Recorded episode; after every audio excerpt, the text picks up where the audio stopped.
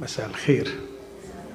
سعيد إن الرب يعطيني امتياز وبركة إني أكون معاكم ونقضي وقت مع بعض في محضر الرب. نتعلم ونتعزى ونتبارك بكلمة الرب. أستأذنكم نقف وإحنا بنسمع جزء من كلمة الرب من رسالة الرسول يعقوب والأصحاح الثاني. رسالة يعقوب أصحاح اثنين. وأبدأ القراءة من عدد 14 الرسول بيقول لإخواته ما المنفعة يا إخوتي؟ إن قال أحد إن له إيمانا ولكن ليس له أعمال. هل يقدر الإيمان أن يخلصه؟ إن كان أخ وأخت عريانين ومعتازين للقوت اليومي فقال لهما أحدكم امضيا بسلام استدفئا واشبعا ولكن لم تعطوهما حاجات الجسد فما المنفعة. هكذا الإيمان أيضا. إن لم يكن له أعمال ميت في ذاته. لكن يقول قائل أنت لك إيمان وأنا لي أعمال. أرني إيمانك بدون أعمالك وأنا أريك باعمالي إيماني. أنت تؤمن أن الله واحد حسنا تفعل والشياطين يؤمنون ويقشعرون. ولكن هل تريد أن تعلم أيها الإنسان الباطل؟ أن الإيمان بدون أعمال ميت؟ ألم يتبرر إبراهيم أبونا بالأعمال إذ قدم إسحاق ابنه على المذبح؟ فترى أن الإيمان عمل مع أعماله وبالأعمال أكمل الإيمان. وتم الكتاب القائل فآمن إبراهيم بالله فحسب له برا ودعي خليل الله. ترون إذن أنه بالأعمال يتبرر الإنسان لا بالإيمان وحده. كذلك رحاب الزانية أيضا. أما تبررت بالأعمال إذ قبلت الرسل وأخرجتهم في طريق آخر. لأنه كما أن الجسد بدون روح ميت. هكذا الإيمان أيضا بدون أعمال ميت. هذه هي كلمة الرب. خلونا وإحنا واقفين نقدم الشكر للرب. من أجلها ونطلب منه إنه يشرحها لنا ويسكنها بغنى في قلوبنا. أبانا المحب آتي إليك مع إخوتي كأبنائك المحبوبين لقلبك. نعلم يا أبانا أننا كعائلتك ليس لنا طعام ينمينا ويخلصنا ويرشدنا ويهدينا إلا كلامك. ففتح كلامك ينير يعقل الجهال. لذلك أبانا أتضرع إليك أن تعطني مع إخوتي وأحبائي في هذا المساء. ونحن نقرأ هذه الكلمة المقدسة ونحاول أن نفهمها. أعطنا بالروح القدس عيونا مفتوحة وأذانا مفتوحة وقلوبا مفتوحة. أعطنا يا أبانا فعلا أن نفهمها ونخبئها في داخل قلوبنا لكي لا نخطئ إليك. في اسم المسيح يا أبي استجب. آمين. آمين. تفضل.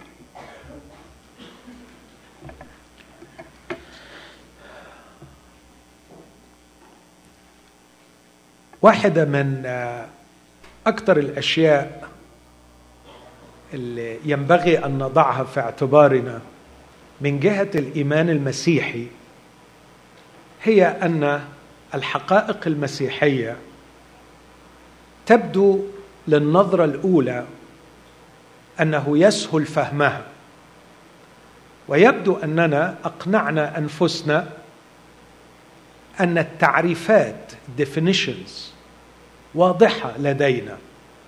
فكلنا يعرف ماذا يعني أن المسيح تجسد؟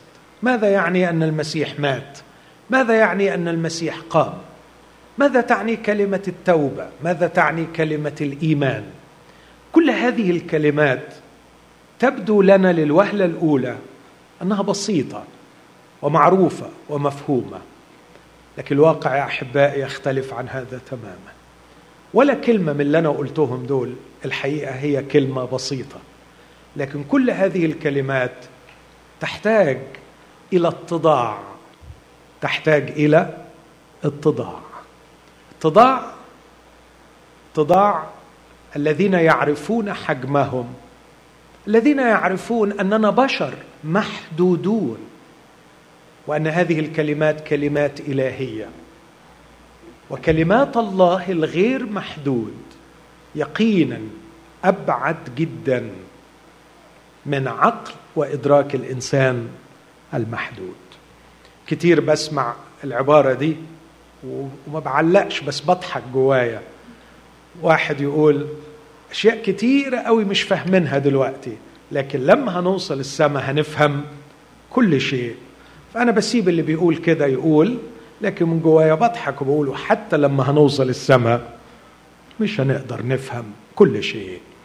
إخوتي لا يفهم كل شيء إلا غير المحدود وغير المحدود على قدر علمي هو واحد. لا يوجد غير الله هو غير المحدود. وطالما أننا محدودون وفي السماء أيضا سنظل محدودين سيظل فهمنا محدود.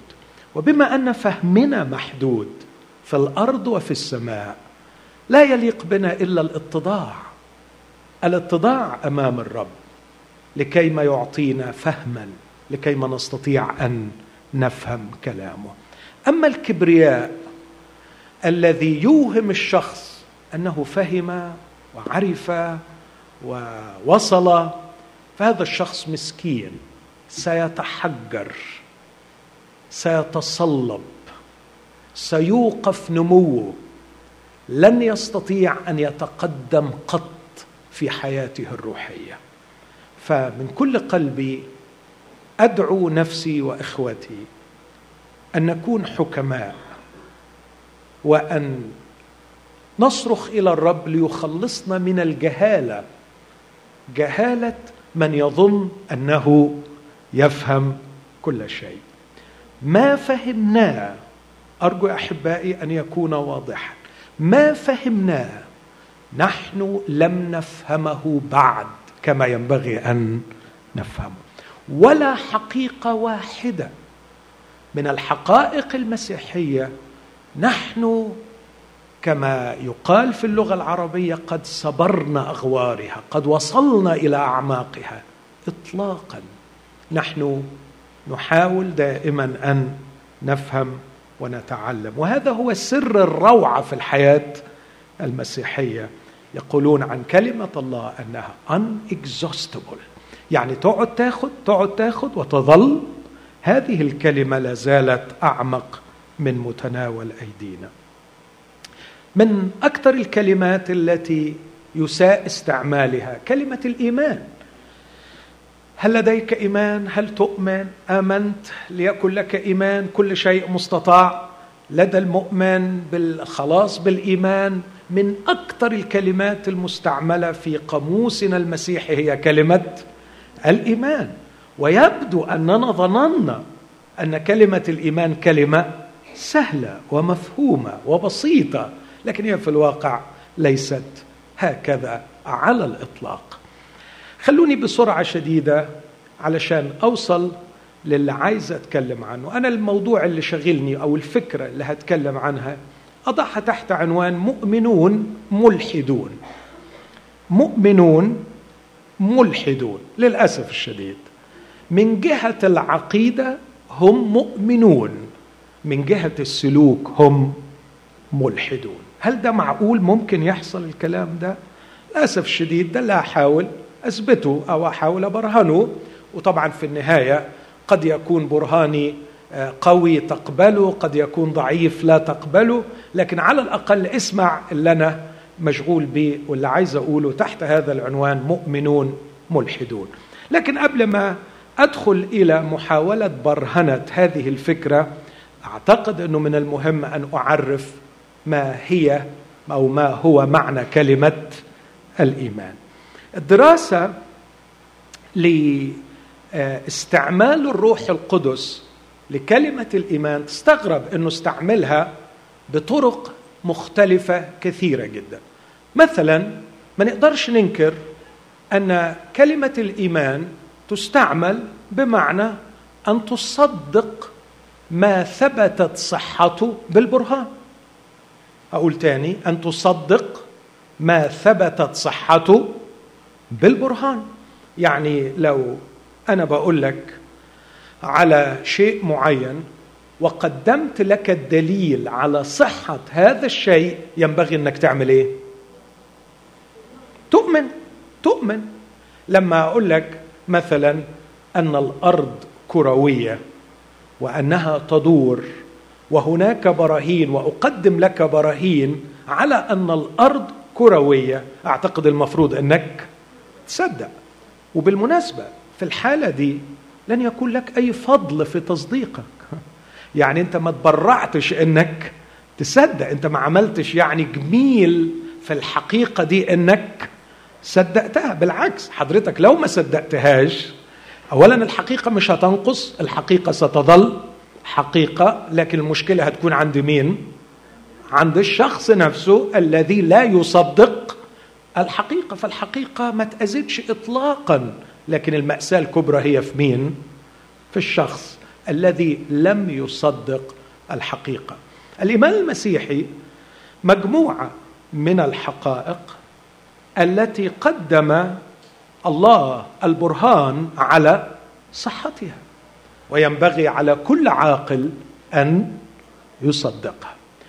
آه مش عايز ألف كتير في الكتاب علشان الوقت محدود لكن مثلا في إنجيل يوحنا صح عشرين عدد 30 وعدد 31 رسول يوحنا بعد ما كتب إنجيل يوحنا بإبداع ويوحنا استعمل كثيرا كلمة الإيمان في النهاية بيقول وآيات أخر كثيرة.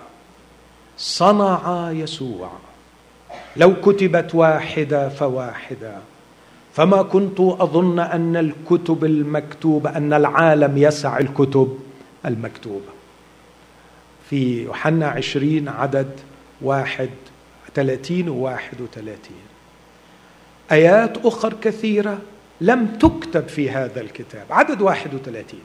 وأما هذه فقد كتبت. كتبت علشان تؤمنوا أن يسوع هو المسيح ابن الله ولكي يكون لكم إذا آمنتم حياة باسمه.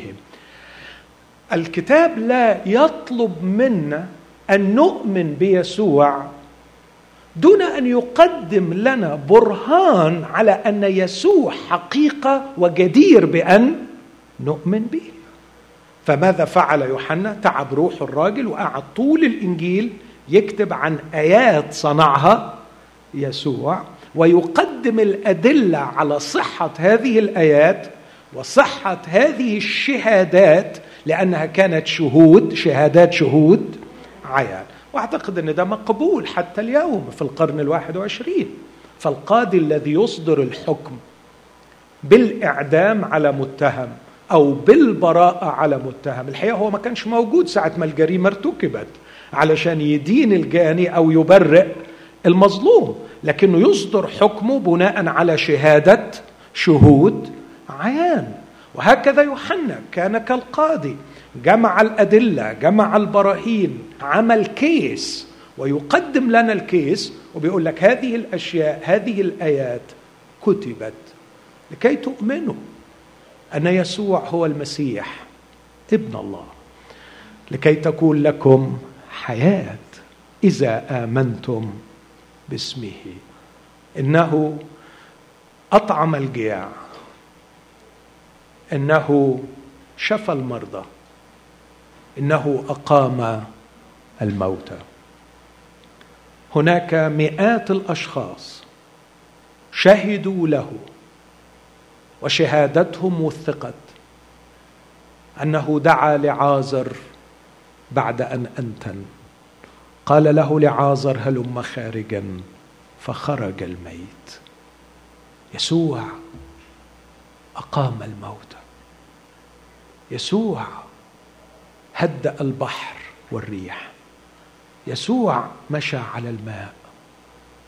يسوع كان يأمر تلاميذه أن يطرحوا الشبكة فتمتلئ من السمك. كان سمك البحر يطيعه وكانت الرياح تطيعه وكان القبر يخضع أمامه. وفي النهاية يسوع مات مصلوبا لكنه قام كما قال. قال أنه سيقوم وحدد ميعاد قيامته وقد قام. هل هذا الكلام حقيقي؟ هل هذا الكلام صحيح؟ هناك شهادات موثقة كثيرة من شهود عيان أكدوا أن هذه الأمور قد حدثت ولا يبقى على الشخص إلا أن يقبل الدليل والبرهان وإلا يصبح شخص غير عاقل شخص غير عاقل. أتذكر وأنا شاب صغير رحنا نزور قرية في صعيد مصر. كنت بزورها مع خادم الرب الأخ يوسف رياض. بعدين الشباب اتلموا علينا وقالوا لنا نرجوكم قبل ما تسيبونا وتروحوا. عندنا شيخ كبير هنا دايما يتخانق معانا لما نقول له إن الأرض كروية وإن الأرض بتدور. ويقول حرام عليكم هتجنونا. هو في برضه ما هي الأرض هي ثابتة. إزاي يعني إن الأرض بتدور؟ فاعملوا معروف قبل ما تسافروا اجمعونا مع الشيخ ده واقنعوه إن الأرض كروية وإن الأرض بتدور. ف آه، قلنا لهم ماشي أوكي. ففعلا قبل ما نسافر بيوم جمعوا آه، الشباب وجه الراجل الكبير اللي هو الشيخ بتاع الاجتماع اللي بيوعظهم وقعدونا مع بعض. وبعدين إحنا شفنا منظر الشيخ الحقيقة راجل يعني كان يمكن وصل الثمانين من عمره. آه، فهو اللي بدأ الحديث موجه كلامه للأخ يوسف باعتباره الأكبر. فبيقول له يا أخ يوسف الشباب دول عايزين يجننونا.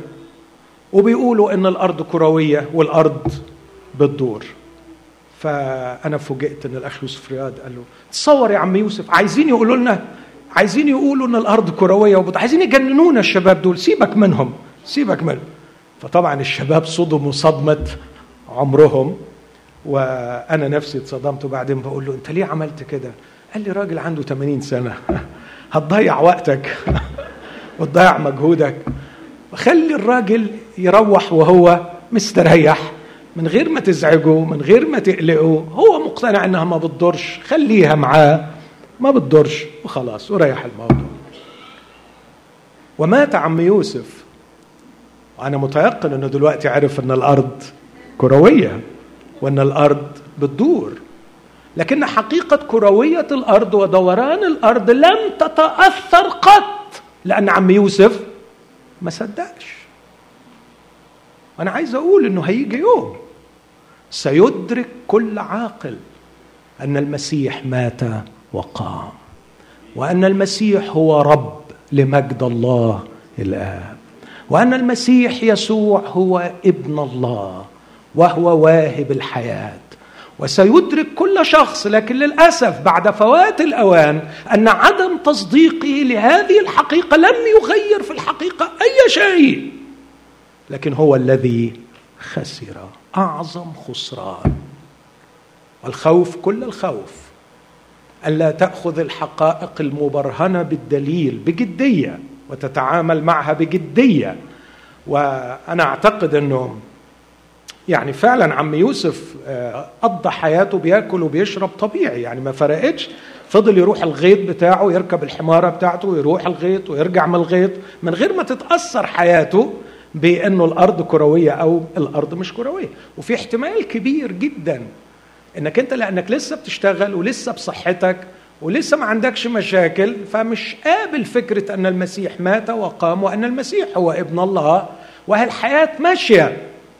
بس هناك ستكتشف أن الموضوع هيفرق.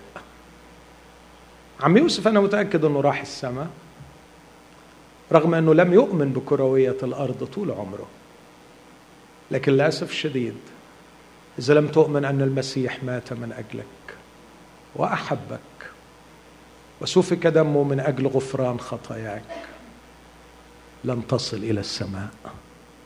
وسيكون هناك واقع مؤلم للغاية. وللأسف الشديد هناك ما فيش U-turn ما فيش U-turn لكن كما قال دانتي في رائعة الكوميديا الإلهية على باب الجحيم مكتوب أيها الداخلون إلى هنا اقطعوا الرجاء. لا يوجد رجاء بعد أن يصل الإنسان إلى الهلاك الأبدي. اذا الإيمان من وجهة معينة هو مجموعة من الحقائق ينبغي أن نصدقها لأنه يوجد برهان على صحتها لكن كمان الإيمان يجي في الكتاب بطريقة تانية مختلفة تماما. مرات كثيره الكتاب يكلمنا عن أننا آمنا بيسوع. مش كده؟ نؤمن بيسوع. فكر في الكلمة دي. لما أقول أؤمن بيسوع يسوع شخص وليس حقيقة مجرد فكرة. يسوع شخص وليس فكرة. والتعامل مع الأشخاص لا يكون بالتصديق لكن بالثقة. في فرق بين الاثنين أنا أصدق أن الأرض كروية. لكني أثق في زوجتي المحبوبة أنها تحبني وأنها أمينة لي. أستطيع أن أقدم البرهان على كروية الأرض لكن صعب شوية أقول أنا محتاج براهين وأدلة على أن زوجتي تحبني. فكر في الكلمة دي. أقدم برهان على إنها بتحبني. أقدم الأدلة العملية على إنها أمينة من جهتي. كلام سخيف لو تفكر فيه. يعني أقدم الأدلة على إنها أمينة من جهتي وأنها تحبني. لو قلت لي السؤال ده أقول لك ما أقدرش لكنها مسألة عشرة وعلاقة.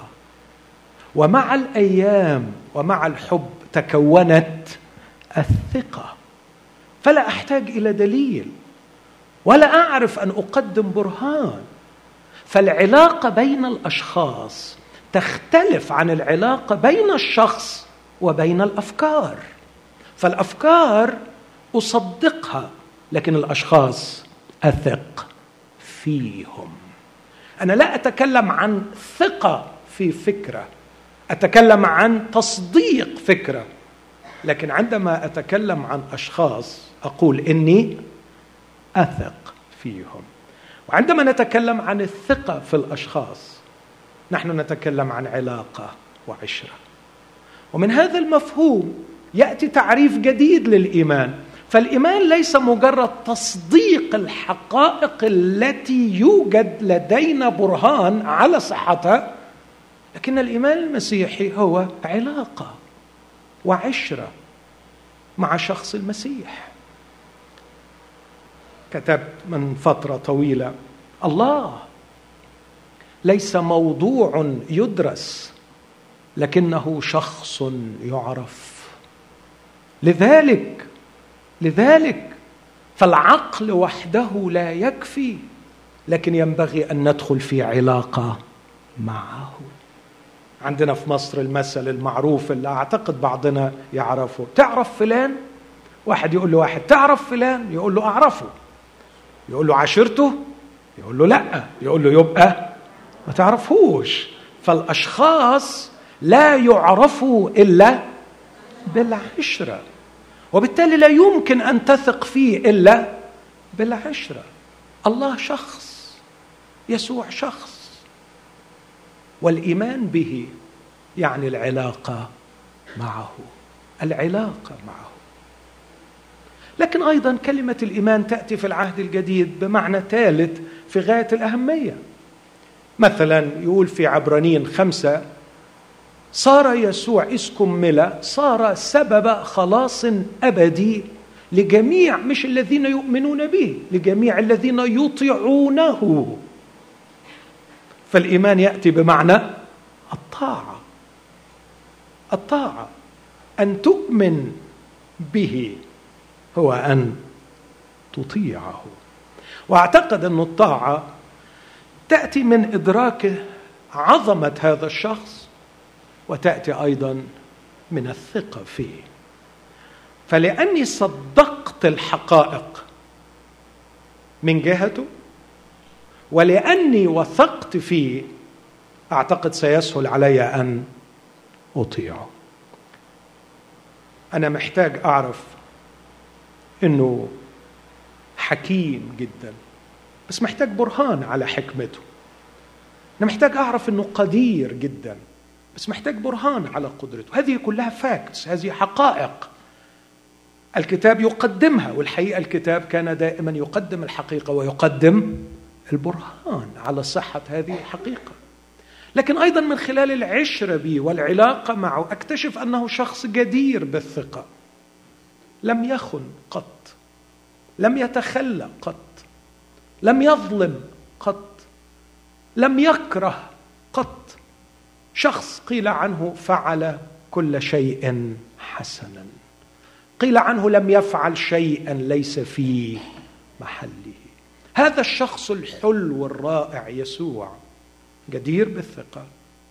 وهذا الشخص لدي براهين على عظمة شخصه وإمكانياته وبالتالي أعتقد إنه من المنطقي أني اطيعه وأخضع له. دول على الأقل الثلاث معاني اللي ممكن نلاقيهم في العهد الجديد لمعنى كلمة الإيمان. حقائق ينبغي أن نصدقها شخص ينبغي أن نثق فيه سيد ينبغي أن نطيعه. هذا هو الإيمان المسيحي هذا هو الإيمان المسيحي أما السائد والشائع والموجود في الأوساط المسيحية أعتقد إنه للأسف شيء مختلف عن اللي أنا حكيته.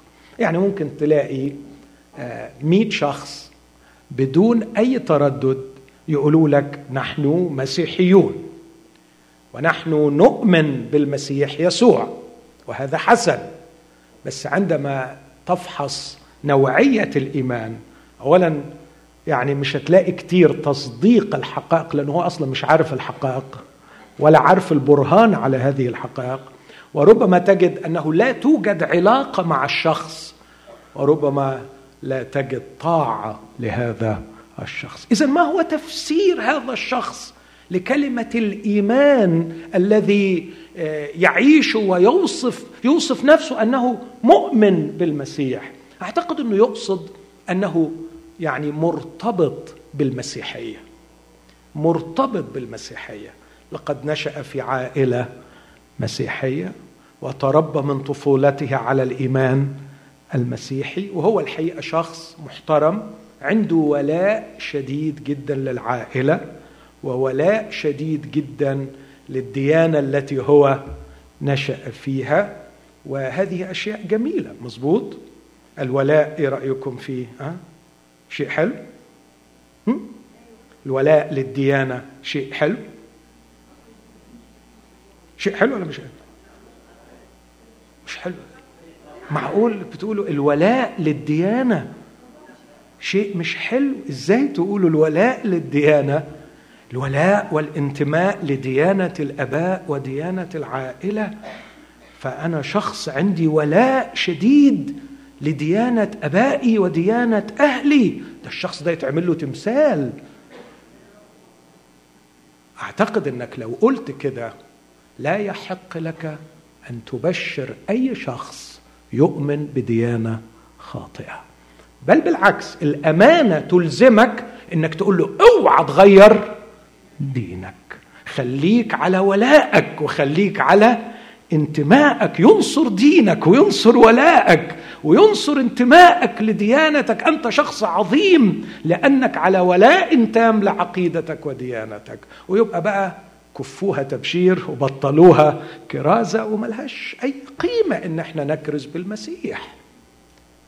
أعتقد يبقى بولس خائنا لديانة أبائه. وأعتقد أن بولس كان عظيما عندما كان شاول الطرسوسي وصار خائنا عندما صار بولس. لكن كثير يا أحبائي من المسيحيين يفهمون الإيمان المسيحي على أنه الولاء لديانة الأباء. لقد ولدت في عائلة مسيحية وتم تعميدي وأنا طفل صغير وارتبطت بالكنيسة وعشت كل حياتي أتعلم المسيحية وسأموت على ديانة الأباء. أخي العزيز مع احترامي وحبي وتقديري لك هذا ولاء. هذا انتماء. هذا شيء جميل. الولاء والانتماء شيء جميل. لكن أرجوك أنك تعرف إن ده ملوش أي دعوة بكلمة الإيمان. الإيمان المسيحي أمر آخر. الإيمان المسيحي أن تعرف صحة ما أمنت به وصحة ما علمته. الإيمان المسيحي أن تعرف ما هي حقائق الإيمان المسيحي التي ثبت بالبرهان صحتها وتمتحنها وتقرر إذا كنت تقبلها أم لا تقبلها. والإيمان المسيحي أن تقبل أن تدخل في علاقة مع شخص المسيح وتكتشف إن كان جديرا بالثقة أم لا. والإيمان المسيحي أن تؤمن أن يسوع رب وأن تخضع له. وبالتالي يكون لك علاقة شخصية وفهم حقيقي وإرادة خاضعة. لمن هو يسوع المسيح. هذا الإيمان الصحيح مش حالة الولاء والانتماء. يعبر عن نفسه ويبرهن نفسه بأعمال. وده اللي يعقوب بيناقشه هنا.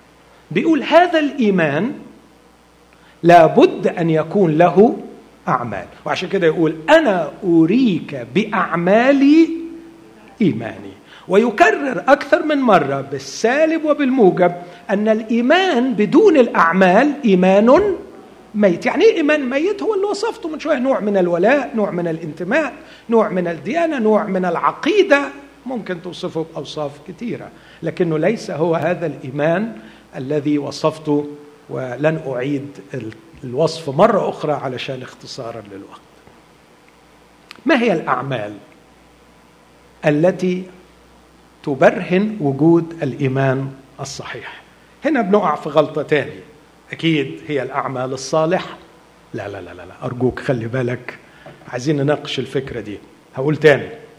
إذا وصلنا إلى المفهوم الصحيح للإيمان فهيجي السؤال آه، أو قبل ما نقول السؤال الإيمان الصحيح يعبر عن نفسه ويبرهن وجوده بال بالأعمال. فالسؤال طب وما هي الأعمال التي تبرهن صحة الإيمان؟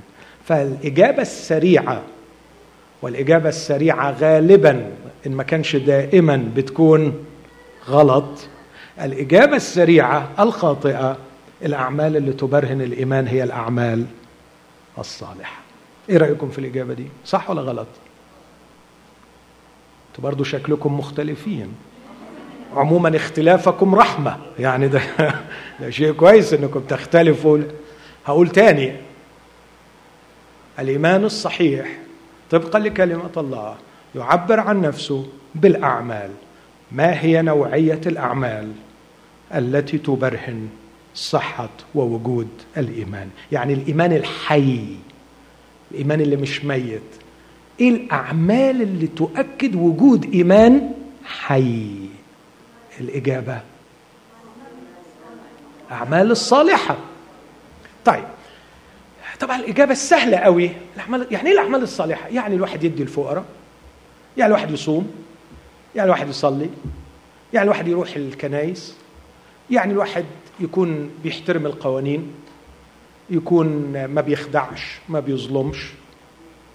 يعني بس بصراحة لو هو ده التعريف انت عندك كذا مشكلة والمفروض انت بقى تحلها مش أنا لأنه أنا مش أنا مش بقول كده بس لو انت بتقول كده حل بقى المشاكل الآتية. مثلا من ضمن المشاكل اللي اقولها لك إنه عليك أن آه، لا تتهم أي شخص لا يؤمن بالمسيح إنه غير مؤمن لأنه في الحقيقة ناس غير مسيحيين بيعملوا الأعمال دي أحسن مننا مليون مرة. ولا هتعترض على دي كمان. الحقيقة الحقيقة بيعملوا. والحقيقة كمان من الناحيه الثانية إن في ناس بتعمل الأعمال دي وكمان بتعمل عمايل سودة. يعني ما عندوش مانع إنه يعطي الفقراء ويحترم القوانين بس يعيش في النجاسة ويسميها حرية جنسية مثلا يعني رايت ويبقى ملتزم جدا بطاعة القوانين بس يقول لك أنا أنا راضي وهي راضية. يعني what's wrong? I feel good. خلاص. What is good? What makes me feel good? خلاص. هو كويس. عندك مشاكل في الرأي ده. لكن بدل ما اضيع الوقت في مناقشة فكرة الأعمال الصالحة خليني أشوف يعقوب نفسه. الرسول يعقوب الحقيقة عبقري بجد عبقري. طبعا لأنه تكلم مسوقا من الروح القدس. أنا كنت أتوقع جدا جدا يا اخ نبيل صدقني إنه لما يجي يقول الإيمان بدون أعمال ميت إنه يجيب لي مثل مثلا يعني يجيب لي اكزامبل زي موسى الذي أبى أن يدعى ابن ابنة فرعون راجل ضحى.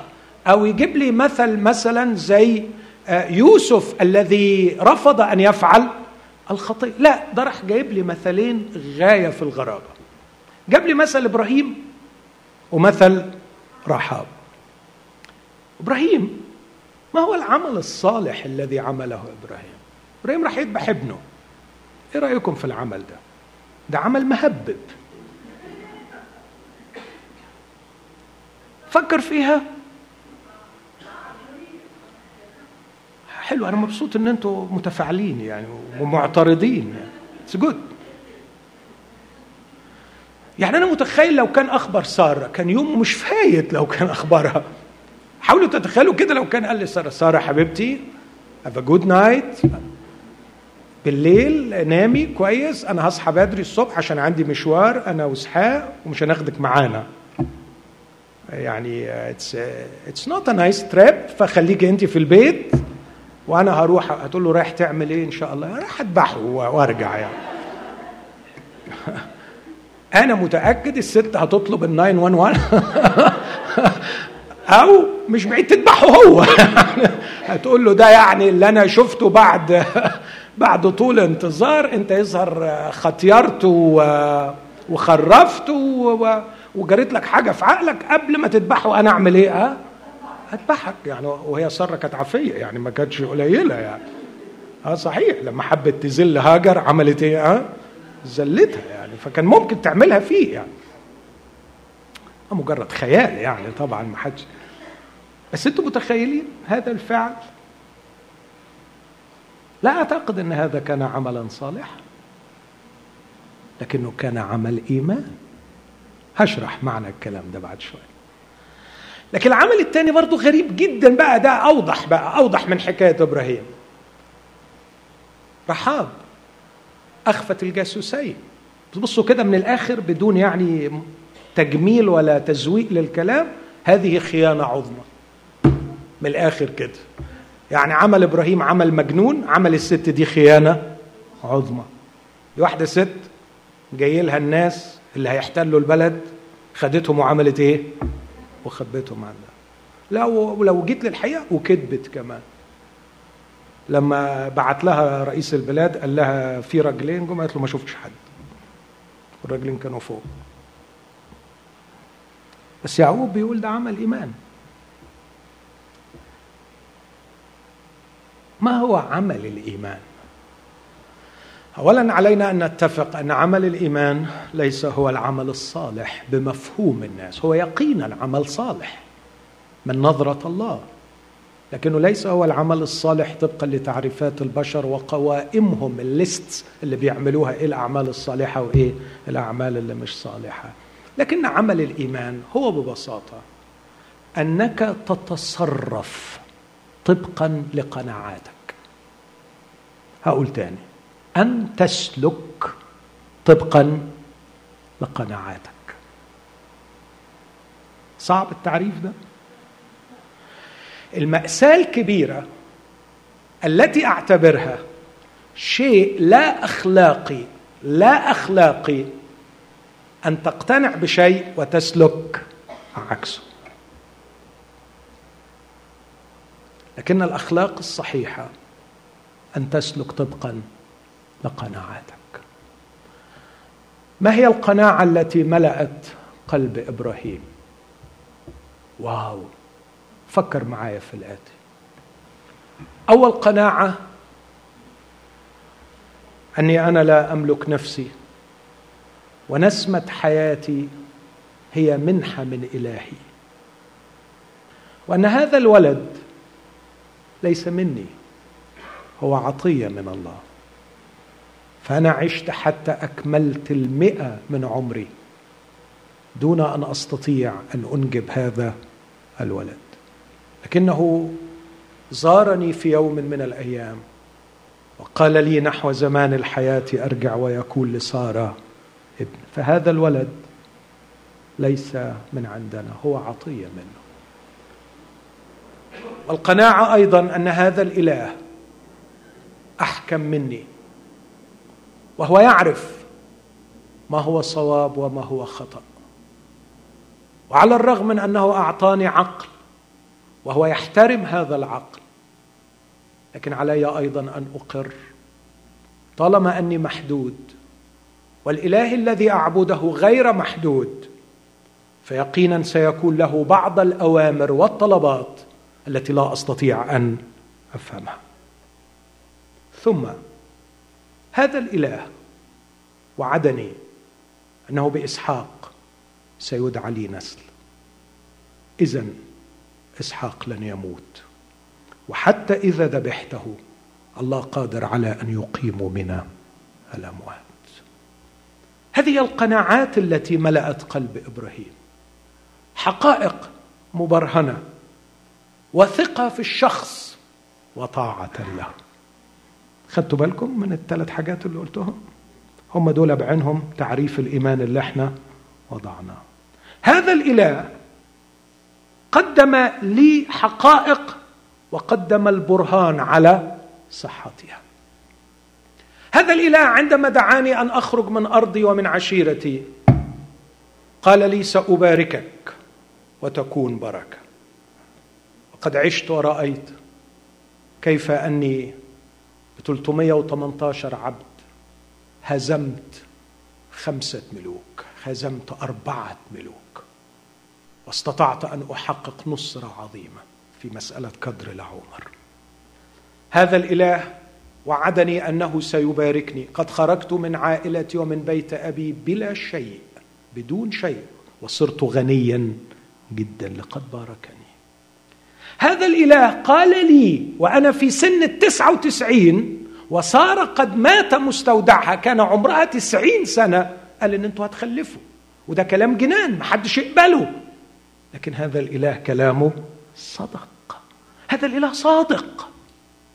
هذا الإله قدم حقائق وقدم البرهان على صحة هذه الحقائق.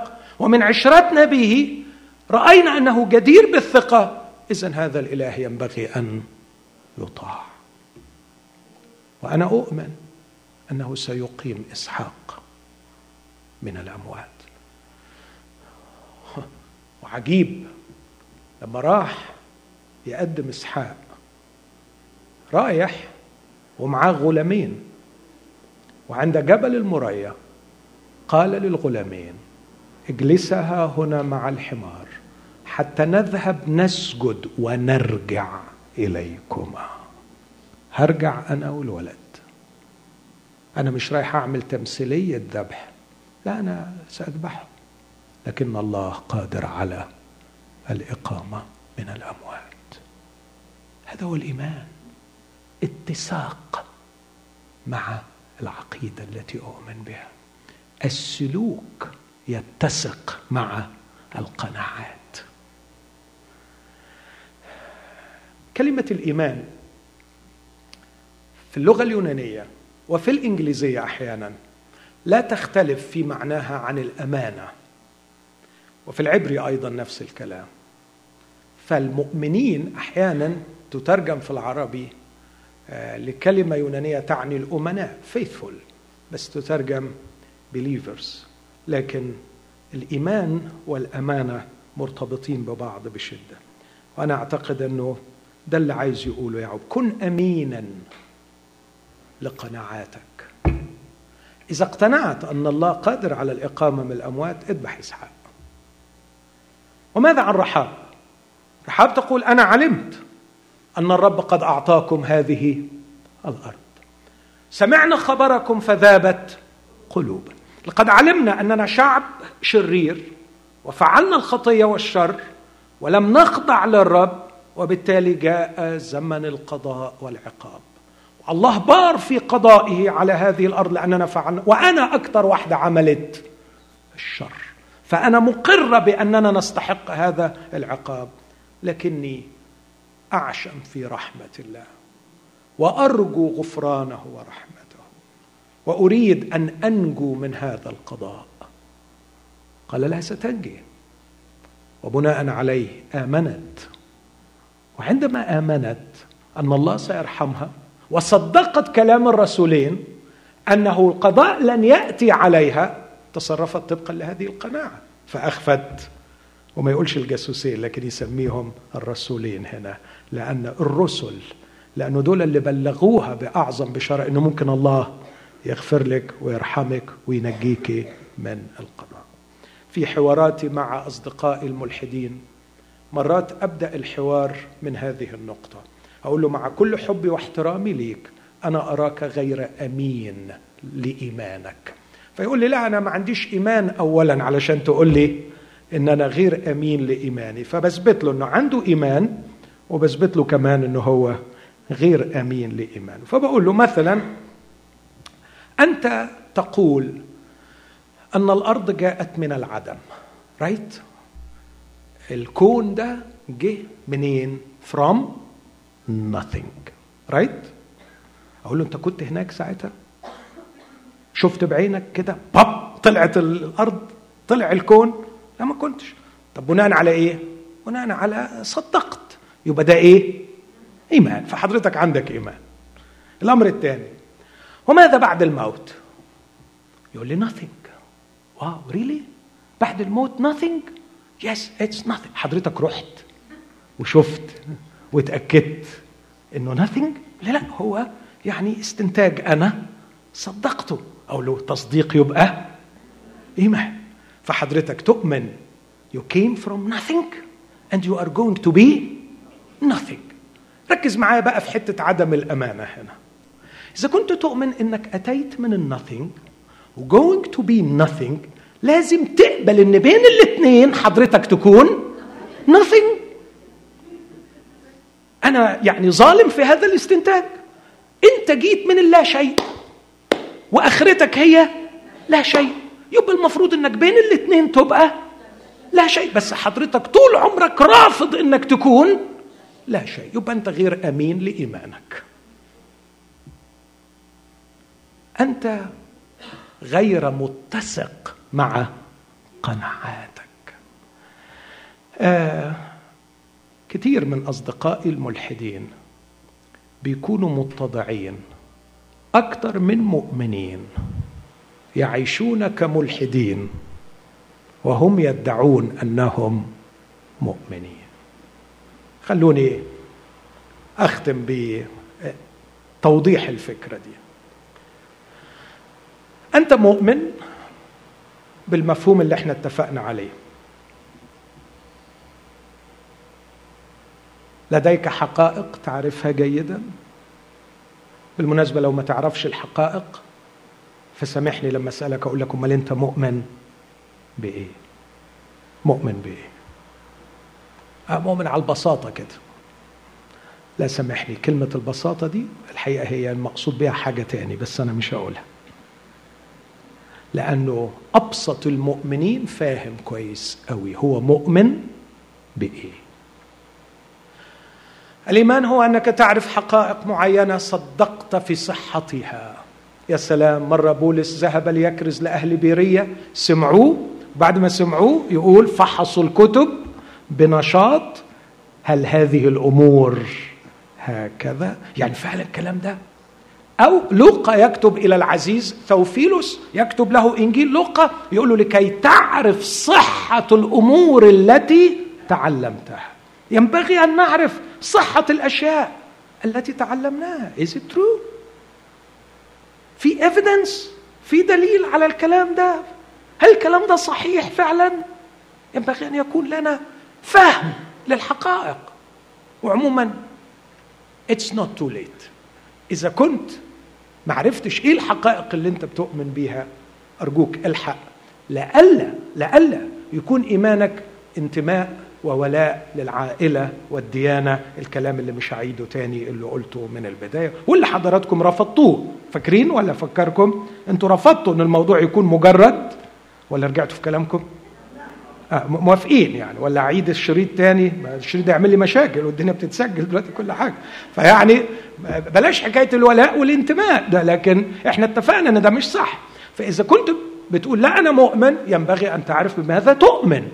لا يكفي أن تؤمن لكن ينبغي أن تعرف بماذا تؤمن وينبغي أن يكون ما تؤمن به شيء صحيح لديك برهان على صحته. مرة قلت التمسك التمسك الشديد بالعقيدة ليس هو الإيمان لأن التمسك الشديد بالخرافة جنان وليس إيمان. ينبغي أن تعرف صحة ما علمته وتمتحنه. لكن أيضا ينبغي أن يكون لديك علاقة شخصية بيسوع المسيح فيسوع ليس فكرة تعرف لكن شخص يقبل وتثق فيه وتكون لك علاقة معه. تقدر تقول له بحبك وتتأكد إنه هو كمان بيحبك وفي مودة بينك وبينه. اتبعني. يسوع مش بيقول بس تصدق ما كتب عني لكن كان يدعو قائلا اتبعني follow me تعال إلزق فيا وامشي معايا. هو ده الإيمان to follow Jesus مش بس تصدق. لكن كمان تتبعه كرب وسيد وبالتالي عليك أن تخضع له وتطيعه. إذا كان لديك هذا الإيمان ينبغي أن هذا الإيمان يتبرهن بال طبقا للنص اللي قريناه. وما هي الأعمال؟ أعتقد ناقشنا كفاية ما هياش الأعمال الصالحة. لكن هي ببساطة أعمال تتسق مع القناعات. سلوك يتسق مع عارفين يتسق؟ يعني إيه؟ consistent with in harmony with. أشرحها إزاي تاني؟ مش عارف. يعني يعني تكون في سلوكياتك متسق مع قناعاتك. أدي مثل أو اثنين أو ثلاثة لا كفاية اثنين عشان الوقت نحن نؤمن أنه توجد حياة بعد الموت وأن هناك أبدية وأن الأبدية طويلة جدا وأن الحياة قصيرة جدا. أنا ما أعرفش أنا كبرت يظهر أنا كبرت أكيد طبعا في السن يعني. بس لما براجع كده السنة دي يا يا على الأماكن التي خلت يا يا على الأماكن التي خلت من أصحابها يا على سكانها سكانها يا على الأماكن العزيزة التي كان أحبائي وأصدقائي يشغلونها ورحلوا. الحياة قصيرة أقصر مما نتصور. تمضي بسرعة. نحن نؤمن نؤمن أن الحياة قصيرة ونؤمن أن الأبدية طويلة. بس سامحوني لما أقول هذا الإيمان عند معظمنا بدون أعمال. فقراراتنا في الحياة غير متسقة مع هذا الإيمان. We are not consistent with الحقيقة دي. بنزعل قوي على الخسارة في هذه الحياة. وما بنزعلش أبدا إن ما عملناش حاجة علشان الأبدية. مع أن المسيح يقول اكنزوا لكم كنوزا في السماء. بيقلقنا قوي الرصيد اللي تحت. وما بنفكرش لحظة في الرصيد اللي فوق. عمرك شفت مؤمن طاير نومه بالليل لأن رصيده فوق وصل صفر؟ هو ولا دريان حتى إن في رصيد. ولا الموضوع شغله ولا الآية دي جت على باله. اكنزوا لكم كنوزا في السماء. حيث لا ينقب سارقون ولصوص وحيث لا يفسد صدأ أو سوس. إخوتي الأحباء هناك كنز في السماء. والكتاب يقول حيث يكون كنزك هناك يكون قلبك. هل تعلموا أحبائي أننا عندما سنصل إلى السماء أول لقاء لنا مع المسيح سيكون حول الرصيد والحساب. I don't know if it's يعني good news or bad news. معظمنا كده فاكر إنه إحنا أول لقاء أول ما نوصل للسماء حفله بقى و... و... وزفة بقى و... ويلا هيصة. بليز يعني خلينا ادجست الحكاية دي الليلة. لا على فكرة أول ما هنوصل سنقف جميعا. أمام كرسي المسيح ليعطي كل واحد منا حساب. واو أول لقاء. هات الكشوف. هات الكشوف. عملت إيه في أيامك؟ كنت بتقضي أيامك إزاي؟ بالطول وبالعرض وبالورب وبالمشقلب وعدت. كم سنة عشتهم؟ آه عشت ستين سنة. كنت بتعد فيهم؟ أنا ما كنتش بعد كنت شغال. نأكل ونشرب نشتري ونبيع نزوج ونتزوج ونحيا كأهل العالم وكأننا سنخلد على الأرض. ولا نفكر أنه هتيجي لحظة هنسيب كل حاجة. كل حاجة. كل حاجة. أعرف أخوات فاضلات كانوا يهتموا بأصغر التفصيلات. لو في حاجة كده يعني. وسابوا كل حاجة. سابوا كل حاجة. أعرف أشخاص تركوا مليارات. خرجوا فارغين. وللأسف لم يفعلوا شيئا للأبدية. أحبائي نحن مؤمنون ملحدون. لأن الملحد لا يعمل شيئا للأبدية بس الحقيقة هو أمين لما ما بيعملش للأبدية. ليه؟ لأنه مقتنع إنه ما فيش أبدية. يبقى هو أكثر أمانة مني. أنت اللي عندك مشكلة. أنت مؤمن إن في أبدية وبتتصرف كأنه ما فيش أبدية. هو مش مؤمن إنه ما فيش أبدية وبالتالي بيتصرف على إنه ما فيش أبدية. هو يؤمن أنه جرثومة قد نمت تطورت وهيجي يوم تتحلل إلى تراب وبيعيش طبقا لهذا المفهوم. لكن حضرتك مؤمن إن في خلود وفي حساب وفي سماء وفي فرق وفي أكاليل وفي ليكن لك سلطان على عشرة وليكن سلطان على خمسة وفي أ... لكن لا تسلك طبقا لهذا. أنت سامحني لما أقول مؤمن ملحد. نحن نؤمن إن هناك حرب روحية. الملحدين طبعا يسخروا مني لما أقول الكلام ده. مرة واحد كتب على التويتر آه خلاص مش هقول عليه لكن يعني كان يتهمني بإني شخص غريب جدا لأني أحترم المنطق وأؤمن بالخرافة فأؤمن إن في شياطين. هو قال كده. الأغرب شيء في الوجود حاجة اسمها ماهر صمويل. يؤمن بالمنطق جدا ويؤمن أيضا بالخرافة. إيه الخرافة اللي أؤمن بيها؟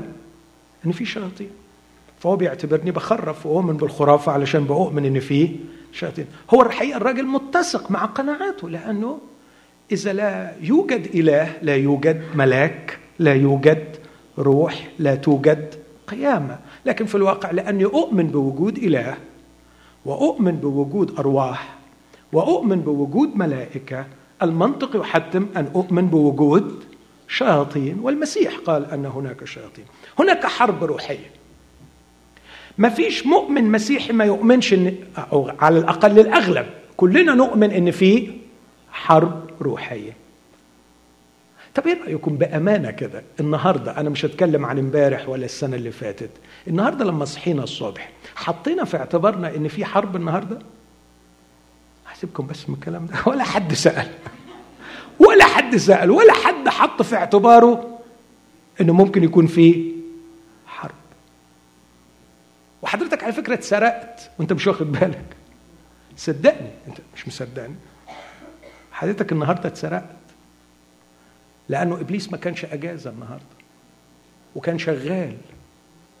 ونصب عليك وأنت مش واخد بالك. هو الحقيقة أنت منصوب عليك على طول. وعمال تتسرق كل يوم. وعلى فكرة بيسرق منك أغلى ما عندك عمرك. وحياتك مش دريان بس بصراحة ما انكرش إنك مؤمن إن في حرب روحية. المسيح قال السارق لا يأتي إلا لكي بيسرق. بيسرق. أنا أعترف إنه النهارده سرق مني بتاع ساعة وعارفها كويس فين راحت فاكرها كويس. ومتغاظ منه إنه سرق مني الساعة دي. بس إن شاء الرب بكرة عوضها ومش هخليه يسرق مني تاني. وهكون واعي ومركز ان كل لحظة من عمري ركز معايا في اللي هقوله ده. توجد مشيئة لله يريد أن يحققها. تؤمن معايا بالكلام ده؟ كل لحظة في عمري توجد مشيئة لله فيا.